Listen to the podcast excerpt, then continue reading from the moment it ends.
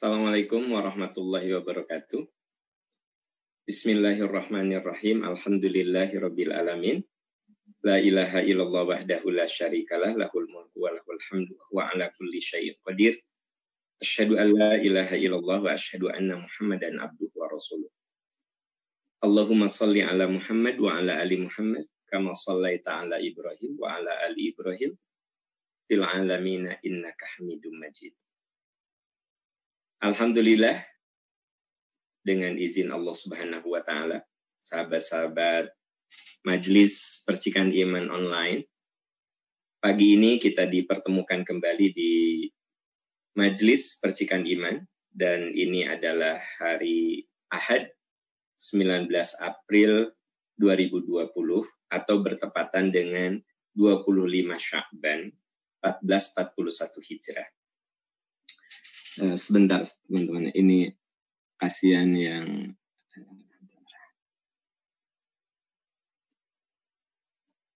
ya barusan belum on ke apa? Ke Instagram.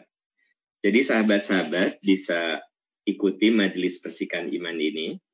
Bisa lewat Instagram saya ya Aam Amiruddin atau bisa ke channel YouTube ya. Semuanya bisa sahabat-sahabat gunakan untuk media eh, mendapatkan informasi seputar keislaman.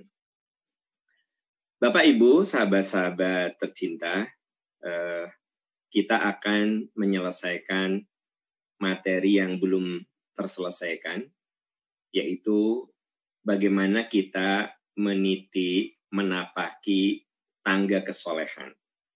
Saya pernah bahas di sini bahwa untuk jadi soleh itu butuh waktu, butuh proses ya.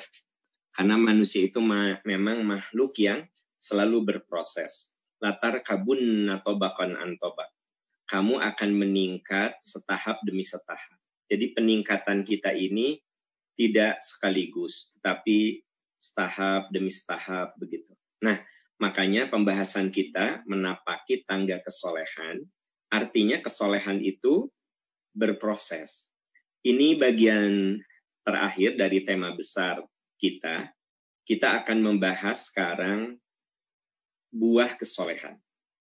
Pagi ini kita akan membahas buah dari kesolehan. Hasil dari kesolehan.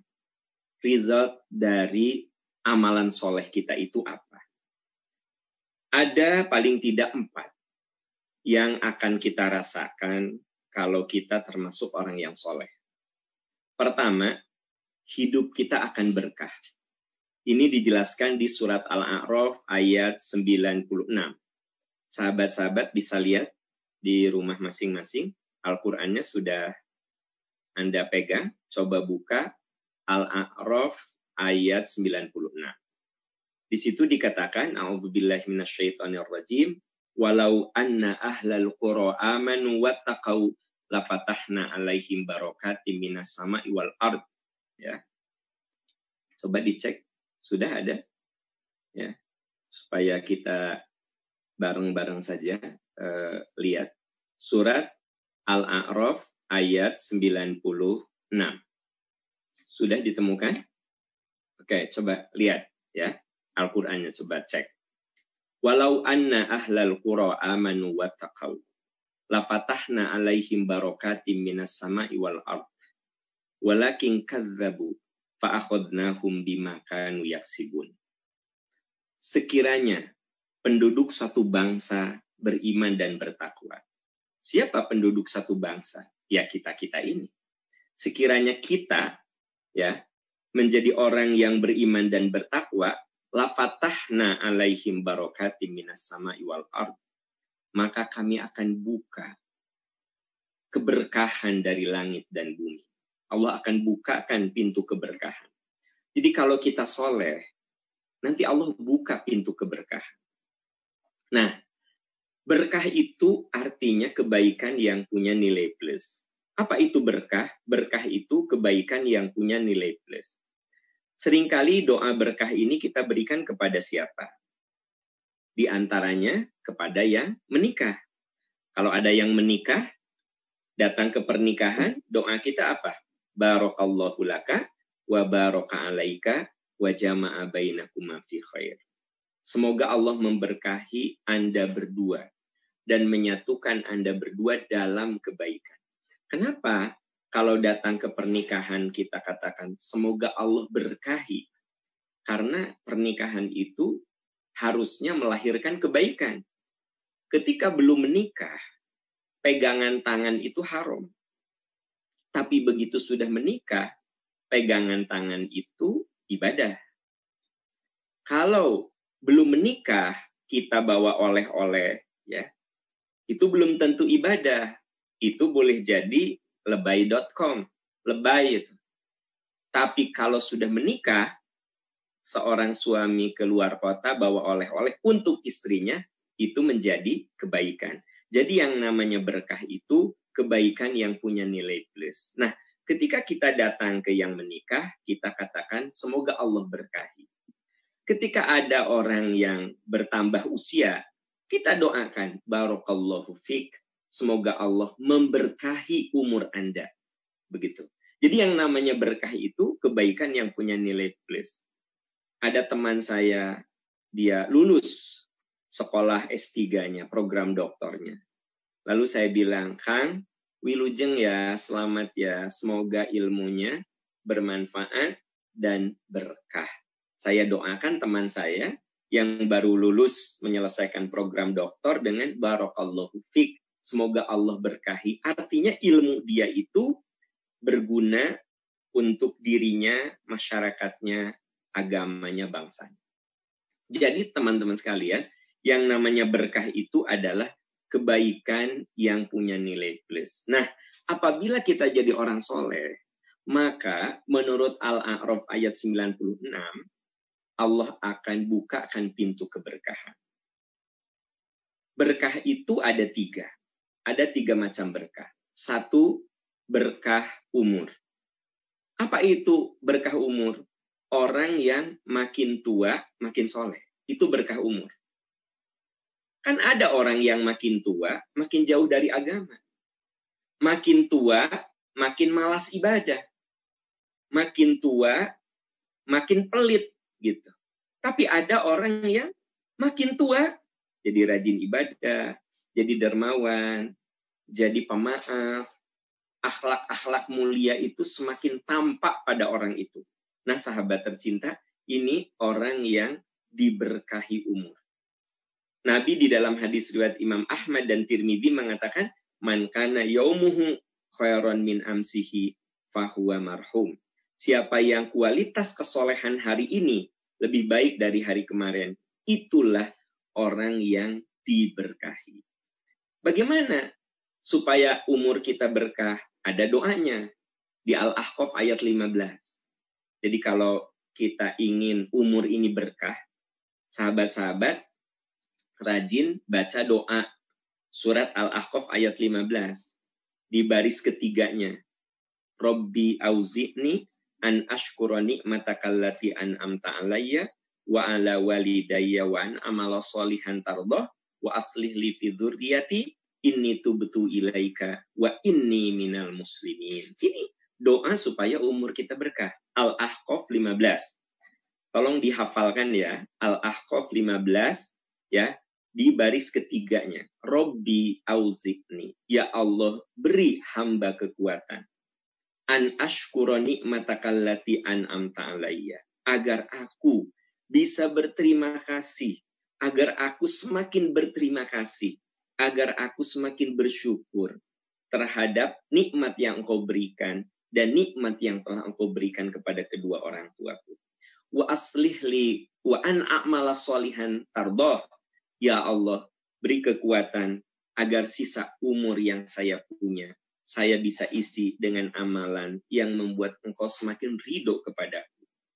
Wa aslih li fi dzurriyyati. Ya Allah bereskan. Ya Allah bereskan ucapan dan perilaku aku sehingga itu menjadi teladan untuk anak cucuku. Ini tuh betul ilaika. Ya Allah aku bertobat kepadamu. Wa inni minal muslimin. Ya Rob catat aku menjadi orang yang selalu berserah diri. Nah, sahabat-sahabat majelis percikan iman, ini doa penting kita perhatikan. Syukur-syukur kita hafal. Kapan kita baca doa ini? Kapan pun bisa. Inilah di antara ikhtiar agar hidup kita berkah, yaitu umur kita berkah, yaitu dengan doa yang tadi yang tercantum di Al-Ahqaf ayat 15. Nah, sahabat-sahabat sekalian, jadi buah dari kesolehan pertama adalah berkah. Berkah itu ada tiga, satu berkah umur, yaitu makin tua makin soleh. Yang kedua apa? Berkah keluarga. Bagaimana berkah keluarga? Berkah keluarga itu keluarga yang di dalamnya ada banyak kebaikan. Mereka berlomba dalam kebaikan. Ada nggak keluarga yang diuji dengan kekurangan harta? Banyak. Tapi mereka bersabar. Maka kekurangan harta dalam keluarga itu menjadi apa? Menjadi eh, ladang amal. Begitu. Jadi apa pun yang menimpa dalam keluarga itu menjadi kebaikan suami berjuang bagaimana menjadi suami yang terbaik dan bertanggung jawab untuk istrinya, kepada istrinya. Si istri berusaha, berjuang, sabar, bertanggung jawab agar dia menjadi istri yang solehah. Nah, suami istri ini berjuang mendidik anak-anaknya dengan harapan anak-anaknya menjadi anak-anak yang soleh. Nah, sahabat tercinta, ini yang disebut dengan keluarga berkah. Jadi yang namanya keluarga berkah itu eh, bisa saja tidak ideal. Kalau yang barusan kan berkah yang ideal, suaminya soleh, istrinya soleh, anaknya soleh. Ini mirip seperti keluarganya Imron. Imronnya soleh, Bu Imronnya soleh, anaknya yaitu Maryam soleh, cucunya juga soleh. Nah ini berkah ideal. Tapi ada juga rumah tangga yang berkah, namun tidak ideal. Contohnya siapa? Rumah tangga berkah, tapi tidak ideal. Yaitu rumah tangga Nabi Nuh. Nabi Nuh ini punya istri yang tidak soleh. Nabi Nuh sabar menghadapi istri yang tidak soleh. Berkah tidak? Berkah untuk Nabi Nuh. Tapi tidak ideal. Saya yakin di antara sahabat-sahabat tercinta ada yang istrinya tidak soleh.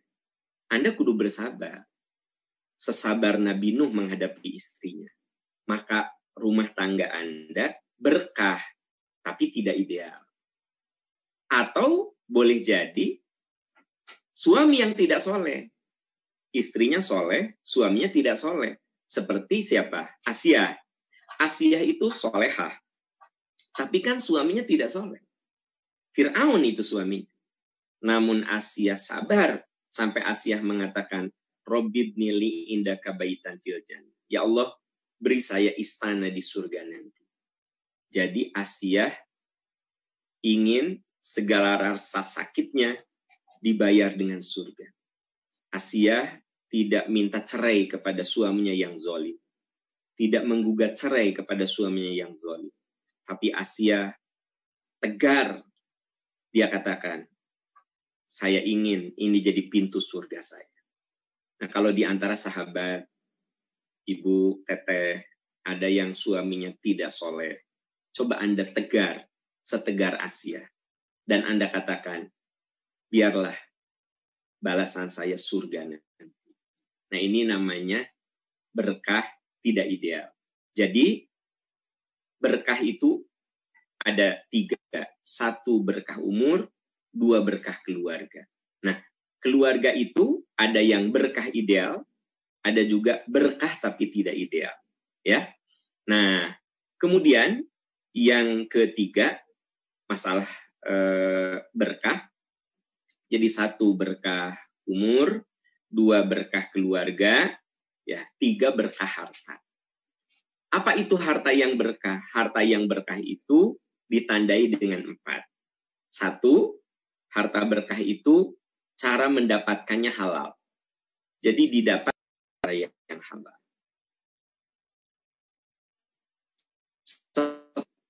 Dibersihkan dengan zakat, dengan infak, dengan sedekah. Dibersihkan.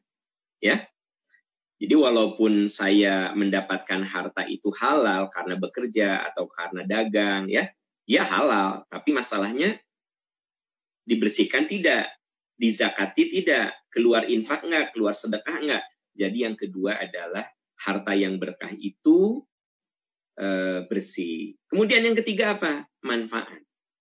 Teman-teman sekalian, sahabat-sahabat sekalian, ya kalau kita punya harta kita boleh menikmatinya walatan sana minad dunia. Kamu tidak perlu melupakan dunia. Sok, kamu nikmati uh, harta yang kamu punya. Setelah apa? Setelah mendapatkannya halal, ya silahkan nikmati. Nah, yang keempat maslahat. Semoga harta kita kepada orang lain maslahat. Nah, sahabat-sahabat, jadi orang soleh itu hidupnya akan berkah menurut surat Al-A'raf ayat 96. Ber, bisa berkah umur, bisa berkah keluarga, bisa juga berkah harta. Maka pastikan kita menjadi orang yang soleh. Semoga dengan begitu Allah membukakan pintu keberkahan kepada kita. Amin. Ya.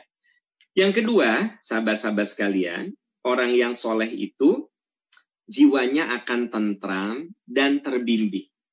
Ya, yang dimaksud tentram di sini bukan berarti tidak ada gelisah yang namanya manusia itu ada kekhawatiran, ada kegelisahan.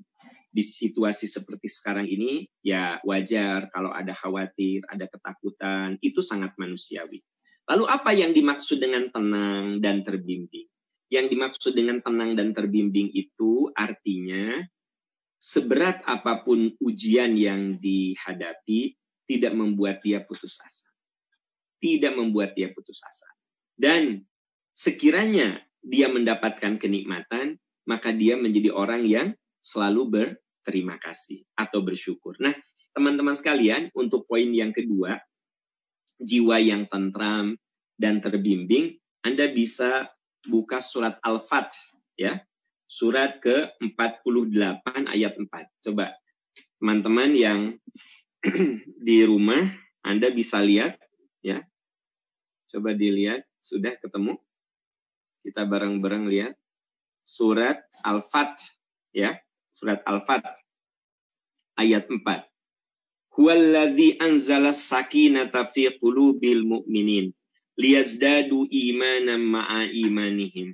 Walillahi junudus samawati wal ardi wa kanallahu aliman hakim.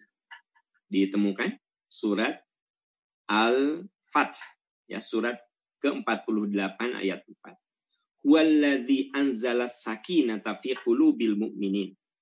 Allah yang menurunkan ketenangan ketentraman pada hati orang-orang beriman. Jadi teman-teman sekalian tolong diingat ya, sebenarnya yang memberikan ketenangan, ketentraman itu hanyalah Allah Subhanahu wa taala. Jadi kita jangan menggantungkan ketenangan, ketentraman itu dari orang ya. Ada yang insya Allah saya kalau udah punya suami kayaknya tenang. Jangan begitu. Ya, jangan menggantungkan tenang kepada suami. Ah, kayaknya saya kalau udah nikah punya istri kayaknya tenang. Eh, salah. Anda jangan menggantungkan ketenangan pada istri Anda, ya. Ah, kayaknya saya kalau punya pekerjaan, gaji rutin, kayaknya saya tenang. Salah. Anda jangan menggantungkan ketenangan itu kepada harta. Jadi keliru kalau kita menggantungkan ketenangan ke suami, ke istri, ke anak, ke teman, ke harta, keliru besar. Kenapa? Wallazi anzala sakinata fi qulubil mu'minin liyazdadu imanan ma'a imanihim. Menurut surat Al-Fat, teman-teman sekalian, ternyata Allah lah yang menurunkan ketenangan. Allah. Nah, catat itu. Makanya banyak kan orang yang kecewa sama suaminya. Kenapa? Karena dia menggantungkan ketenangan itu ke suaminya. Aku mah kecewa sama suami aku ternyata ya suami aku teh bla bla bla bla bla. Ya, Ya salah lah kok Anda menggantungkan ketenangan sama suami. Ah, aku mah kecewa eh, sama istri aku. Istri aku teh ternyata begini, begini, begini, begini. Ya salah lah. Anda salah menggantungkan diri, ya surah uh, menggantungkan diri ke uh, pasangan hidup kita. Jangan. Jangan menggantungkan diri kepada manusia, kepada makhluk, apalagi kepada benda. Jangan. Kenapa? Karena sebenarnya menurut ayat ini, waladhi anzala sakinata liyazdadu imana ma'a. Allah yang menurunkan ketenangan kepada hati orang-orang mukmin supaya keimanan mereka bertambah di samping keimanan yang ada. Jadi yang dimaksud dengan makin hebat. Makanya apa? Hidupnya jadi terbimbing. Nah, teman-teman bisa lihat di Al-An'am coba 125. Ya. Sekarang eh, lihat Al-An'am 125. Hidupnya terbimbing. Di situ dikatakan fama yuridillahu ayyahdiyahu yashrah sadrahu lil Islam. Coba Anda lihat ya. Coba Anda lihat An-Nahl 125. Al-An'am maksud saya. Coba teman-teman lihat Al-An'am 125. Jadi poin yang kedua, orang yang tak orang yang soleh itu apa? Dia akan tenang dan hidupnya terbimbing. Tadi tenang surat Al-Fath ya, surat ke-48 ayat 4. Nah, terbimbing Anda bisa lihat surat Al-An'am 125 fama yuridillahu ayyahdiyahu yashrah sadrahu Islam. Siapa yang oleh Allah dikehendaki untuk diberi hidayah, maka Allah bukakan hatinya untuk mengamalkan Islam. Jadi terbimbing, ya, merasa nikmat, mendengarkan kajian seperti ini, merasa nikmat belajar Al-Quran, ya, merasa nikmat sholat tahajud, merasa nikmat kalau sudah menolong orang lain, merasa nikmat ketika kita sudah bisa menolak maksiat, menolak dosa, ada kenikmatan. Nah, ini orang yang hidupnya terbimbing. Fama yuridillahu ayyahdiyahu yashrah lil Islam. Siapa yang oleh Allah diberi hidayah, maka Allah bukakan hatinya. Hidupnya terbimbing. Wa mayurid ayudillahu yaj'al sodrahu dayyqan haraja ka'annama yas'adu fis sama. Sementara orang yang tidak terbimbing hatinya sempit. Ya, seperti orang yang mau naik ke atas. Kan makin ke atas eh, oksigennya makin tipis, ya. Sesak gitu. Nah, orang yang tidak terbimbing dengan hidayah Allah, maka hidupnya malah eh, berat. Maksudnya e, diuji penderitaan putus asa. Diberi kenikmatan lupa diri gitu orangnya kayak gitu. Itu orang yang tidak terbimbing oleh hidayah. Jadi orang yang tidak terbimbing oleh hidayah kalau dia diuji dengan penderitaan putus asa. Kalau diuji dengan kenikmatan lupa diri. Innal insana khuliqa jazua. Kalau ditimpa sulit dia putus asa wa idza masahul khairu. Tapi ketika dia diberi kenikmatan, dia termasuk orang yang uh, lupa untuk berterima kasih. Nah, sahabat-sahabat sekalian, jadi kalau kita jadi orang yang soleh, insya Allah hidup kita akan terbimbing dan kita merasa nikmat dalam kebaikan sehingga muncul ketenangan hakiki. Jangan lupa menurut surat Al-Fat ayat 4 sebenarnya hanya Allah Subhanahu wa taala yang memberikan ketenangan kepada kita, bukan manusia. Makanya saya tegaskan, jangan menggantungkan diri kepada orang.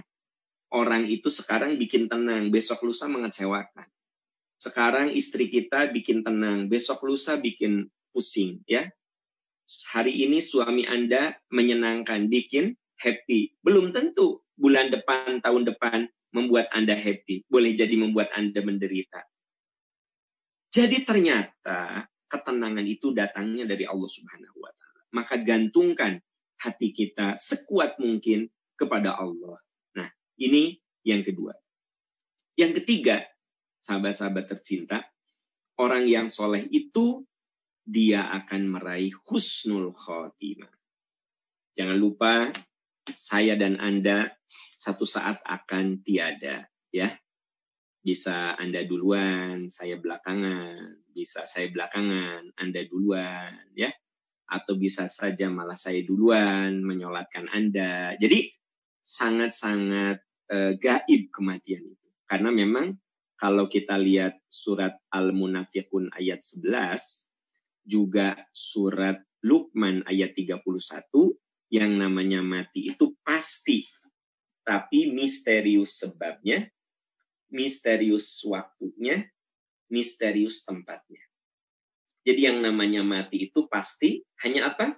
Misterius sebabnya, misterius waktunya, misterius tempatnya. Kita tidak tahu sebab kematian kita apa. Kemudian apa? Di kapan? Kita juga nggak tahu.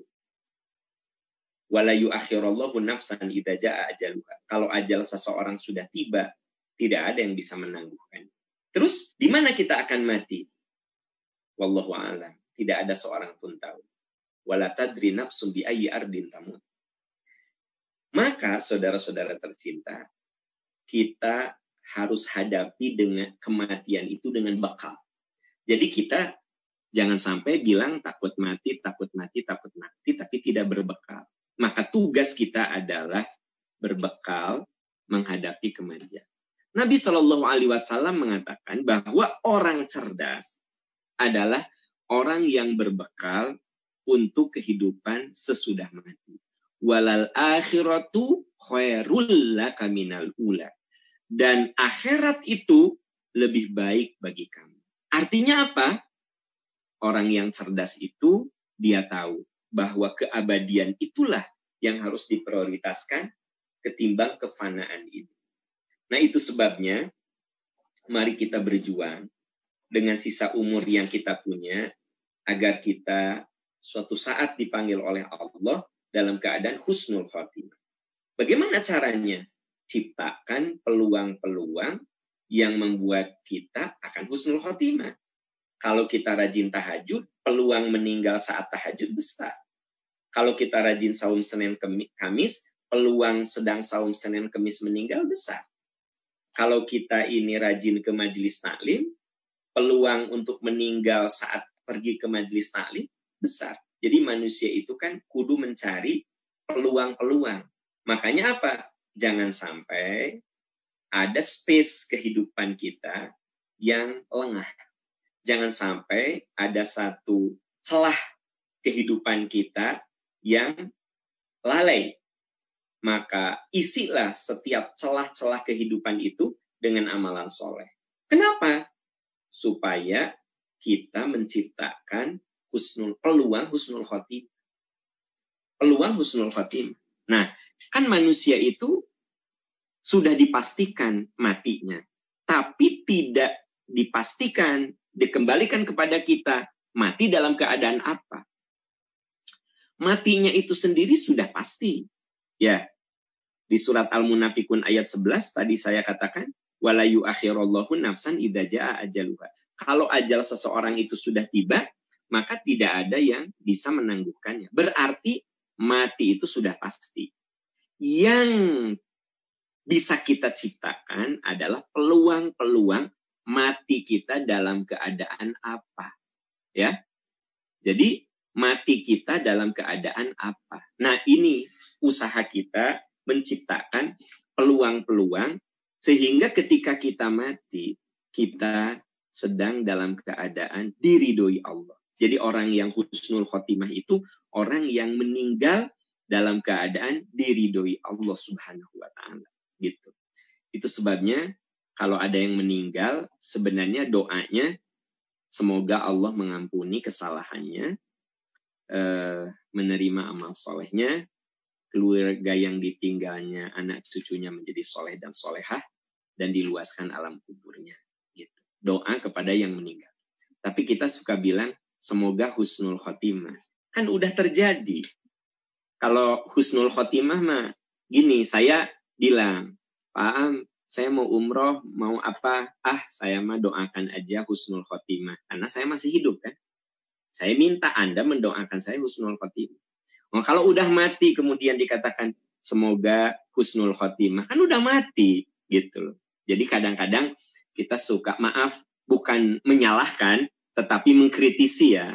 Bukan menyalahkan tapi mengkritisi. Jadi kalau ada yang meninggal itu kita katakan innalillahi wa inna ilaihi rajiun. Kita menyebut kalimat istirja. Istirja itu kalimat yang tadi innalillahi wa inna ilaihi rajiun. Kalau mau doakan Allahumma gfirlahu warhamhu wa'afihi Ya Allah, semoga engkau ampuni dia. Muliakan dia ya Allah, muliakan almarhum. Tempatkan almarhum di tempat yang mulia di sisi. Itu kita suka bilang semoga husnul khotimah ya. Kalau mau husnul khotimah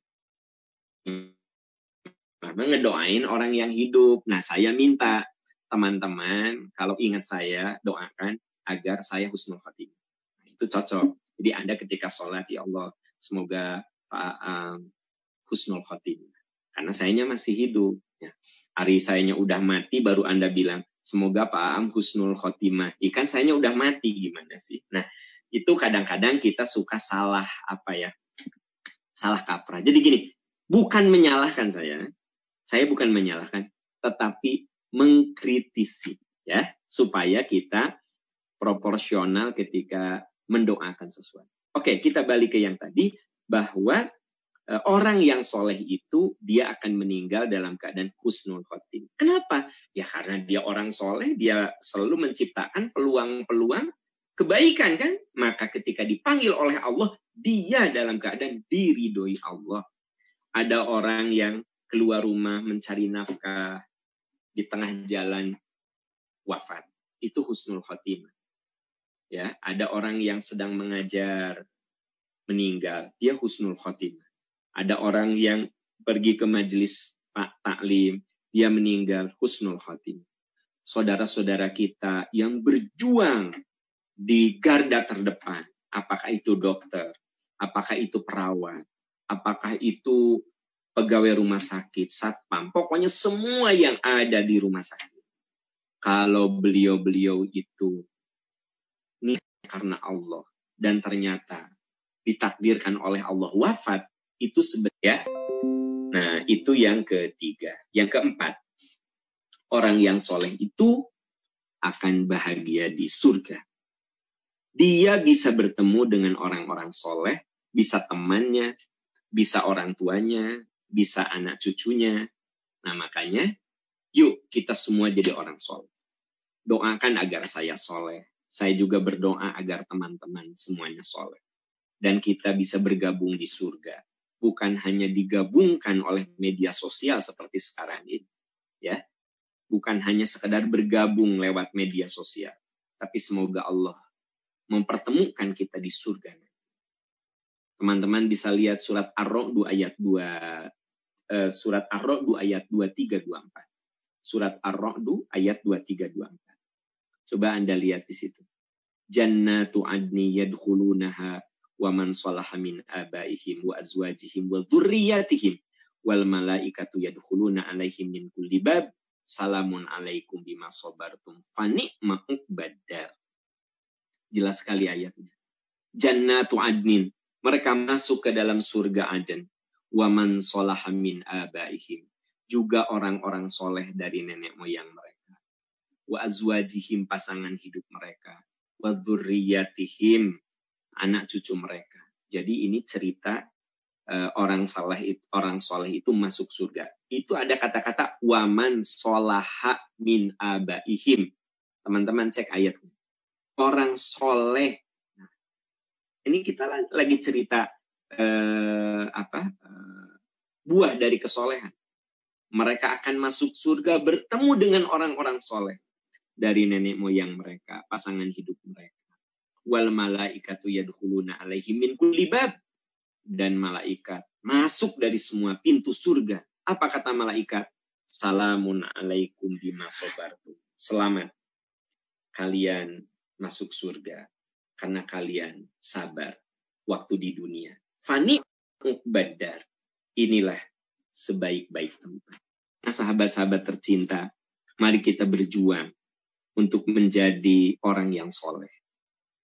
Untuk menjadi orang soleh itu butuh kesabaran, butuh ilmu, butuh belajar, butuh pembiasaan, ya, butuh proses. Tapi percayalah, ketika kesolehan itu kita dapatkan, maka Allah jamin empat hal. Satu, hidup kita akan berkah. Dua, kita akan merasakan ketentraman dan dibimbing oleh Allah. Ketiga, kita akan husnul khotim. Dan yang keempat, ini puncaknya, kita bertemu lagi di surga dengan orang-orang yang sama-sama soleh. Sahabatku tercinta, semoga Allah mempertemukan kita semua dalam surganya. Semoga sisa umur yang kita punya, kita isi dengan amalan-amalan soleh. Semoga Allah menolong kita dan memberkahi. Itu yang bisa kita bahas bagian terakhir dari uh, menapaki tangga kesolehan. Hari ini kita bahas tentang buah dari kesolehan. Sahabat-sahabat sekalian, uh, itu majelis percikan iman pagi ini dan uh, supaya serasa off air ya, Eh, mulai hari ini kita mulai dengan uh, tahsin. Seperti halnya kan kalau kita di majelis percikan iman yang offline itu, yang di darat ya, yang real, suka ada tahsin. Nah, Ustadz Ihsan membimbing tahsin. Jadi nanti untuk minggu depan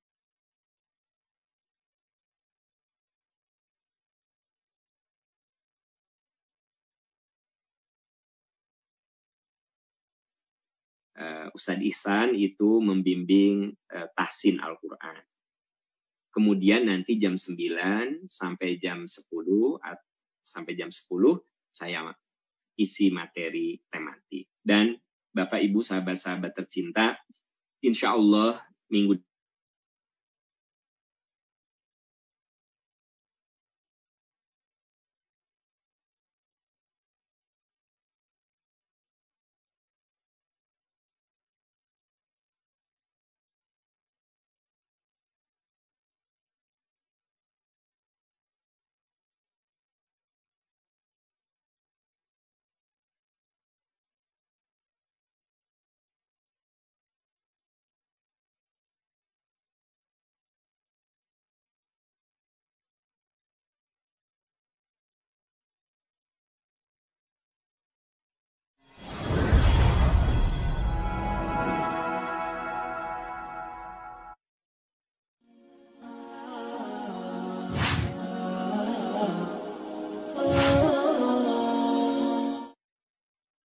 ustadz di percikan iman. Nah, selain Ustadz Ihsan yang mengajarkan tahsin, nanti ada Ustadz Ayat, ada Ustadz Ustadz yang lainnya. Ya, Nah, jadi Ramadan itu akan lebih banyak di rumah. Bahkan tarawih juga kita lakukan di rumah. Enggak masalah. Yang penting ibadahnya itu teman-teman sekalian. Ya, Beginilah cara Allah memberikan hikmah kepada kita. Saya lihat tadi ada yang dari Palembang, dari mana-mana. Coba hikmahnya kita bisa lewat antar provinsi kan, bisa bareng. Bahkan tadi malam saya tausiah seperti ini lewat Zoom dengan teman-teman yang ada di Jerman. Minggu sebelumnya saya dengan teman-teman yang ada di Kanada gitu. Jadi ternyata betul eh, pasti ada hikmah, pasti ada hikmah. Dan saya juga mengisi kajian di salah satu perusahaan yang ternyata seluruh cabang di Indonesia mengikuti materi saya gitu. Artinya apa? Dengan ada COVID-19 ini ternyata kita jadi punya ide bahwa belajar itu bisa lewat media dan bisa menyatukan berbagai orang ya di berbagai daerah walaupun terhalang oleh samudera dan benua. Nah, ini yang harus kita ambil. Sahabat tercinta, selamat menunaikan ibadah saum. Insya Allah empat hari lagi kita akan memasuki bulan berkah, bulan Ramadan. Dan insya Allah hari Ahad depan kita sudah dalam keadaan sedang bersaum Ramadan. Ya, Semoga Allah senantiasa memberikan kesehatan pada kita semua dan menyampaikan umur kita di bulan Ramadan. Karena doanya apa? Allahumma barik lana fi Sya'ban. Uh, fi Rajab wa Sya'ban wa balighna Ramadan. Allahumma barik lana. Ya Allah beri kami keberkahan. Fi Rajab, di bulan Rajab. Wa Sya'ban, dan Sya'ban. Wa balighna Ramadan dan sampaikan ya Allah kami di bulan Ramadan. Nah semoga kita bisa menikmati bulan yang indah yang dibukakan pintu-pintu kebaikan. Eh, selamat menunaikan ibadah saum. Insya Allah minggu depan eh, majelis percikan iman kita laksanakan lagi jam 8.30 tahsin dulu oleh Ustadz Ihsan baru jam 9-nya kajian tematik oleh saya dalam keadaan kita sudah berada di bulan Ramadan insya Allah. Sahabat tercinta, sahabat-sahabat, itu yang bisa saya sampaikan. Semoga Allah memberkahi kita, membimbing kita semua. Subhanaka Allahumma wa bihamdika, ashadu an la ilaha illa anta astagfiruka wa atubu ilaik. Allahumma barik lana fi rajab wa sya'ban wa balighna Ramadan. Rabbana la tuzigh qulubana ba'da idh hadaitana wa hab lana min ladunka rahmatan innaka antal wahhab. Rabbana hab lana min azwajina wa dhurriyyatina qurrata a'yun waj'alna lil muttaqina imama. Rabbana atina fid dunya hasanah wa fil akhirati hasanah wa qina adzabannar. Amin ya arhamar rahimin. Amin ya rabbal alamin. Wassalamualaikum warahmatullahi wabarakatuh.